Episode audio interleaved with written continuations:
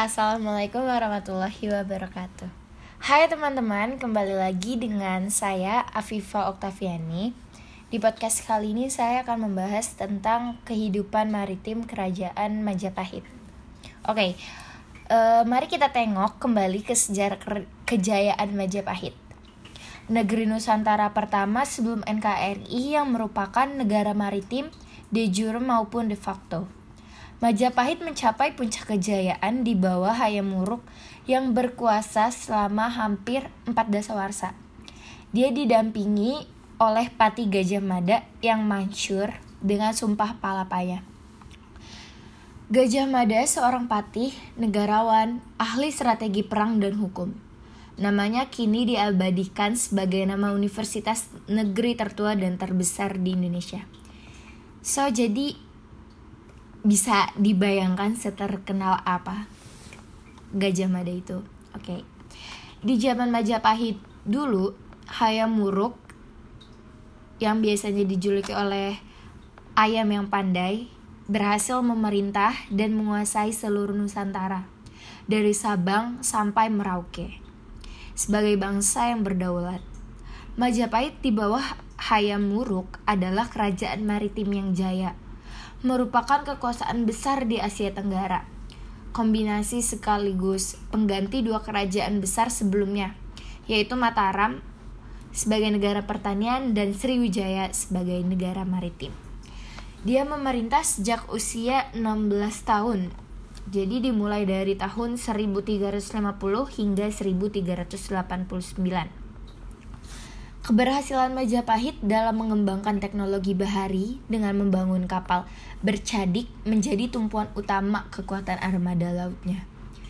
Di relief Candi Borobudur kita dapat melihat pahatan kapal ini yang dibangun dengan pasak kayu tanpa menggunakan paku. Layarnya terbuat dari tanaman yang dianyam yang mudah digerakkan sesuai arah angin, sehingga laju kapal dapat bergerak lincah sesuai tujuan.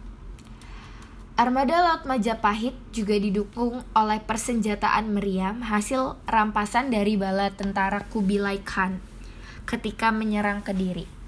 Kapal-kapal Jawa berukuran raksasa dengan 3-4 layar ini dikagumi dan dipuji kehebatannya oleh para penjelajah dunia di abad ke-14 di abad ke-14 seperti Rahib Odrico, John, Han, De Marignoli, dan Ibnu Batuta.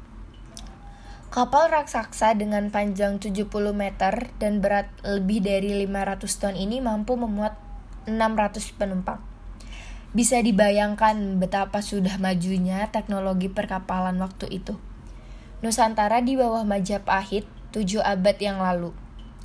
Irawan Joko Nugroho pada tahun 2011 menyebutkan bahwa jumlah armada Jong Majapahit ketika itu mencapai 400 kapal. Di abad ke-12, jauh sudah dikenal di jagat raya. Oke. Okay. Selanjutnya selanjutnya itu adalah Kerajaan Majapahit menjadi pusat kerajaan maritim Nusantara yang berperan melindungi jalur perdagangan laut sebagai jalur utama perdagangan dan menghilangkan ancaman jalur laut di sepanjang wilayah Laut Nusantara hingga kawasan di sekitarnya. Armada laut Majapahit sangat besar di masa itu, yang seperti saya sebutkan tadi ya. C.R. Boxer, profesor sejarah dari Inggris mencatat total jumlah kapal yang dimiliki VOC pada tahun 1650, 1674, dan 1704 sebanyak 74 kapal. 124 kapal dan 81 kapal. Kapal ini dibutuhkan untuk memonopoli komoditas internasional di Nusantara. Besarnya armada Majapahit memudahkan untuk mengontrol pelabuhan-pelabuhan yang mengganggu aktivitas bisnisnya. Majapahit membutuhkan armada agar mampu untuk membeli dan menjual komoditas utama perdagangan dunia dalam partai besar. Melarang negara lain untuk membuat armada besar, mengatur seluruh perdagangan laut dan kontrol Majapahit. dan menjaga mitranya agar tidak langsung berhubungan dengan produsen. Kerajaan Majapahit tidak memonopoli sendiri pengusahaan pelabuhan yang ada di setiap daerah Nusantara. Pelabuhan yang ada di setiap daerah Nusantara dikelola oleh kerajaan masing-masing dengan menyediakan sarana dan prasarana pendukung untuk memperlancar perdagangan antar kerajaan dan daerah. Setiap kerajaan saling bekerja sama dalam melakukan aktivitas perdagangan dan pelayaran Kerjasama ini juga dilakukan ketika terdapat ancaman dari luar Nusantara yang hendak menyerang salah satu kerajaan di Nusantara. Kerjasama yang baik di antara kerajaan-kerajaan ini yang membuat aktivitas perdagangan dan pelayan masyarakat Nusantara saat itu bisa kuat dan disegani oleh mancanegara. Kurang lebihnya itu cerita singkat saya mengenai kehidupan maritim di Kerajaan Majapahit. Kurang lebihnya mohon maaf dan apabila ada kesalahan kata atau kata-kata yang berbelit juga mohon maaf. Sekian dari saya.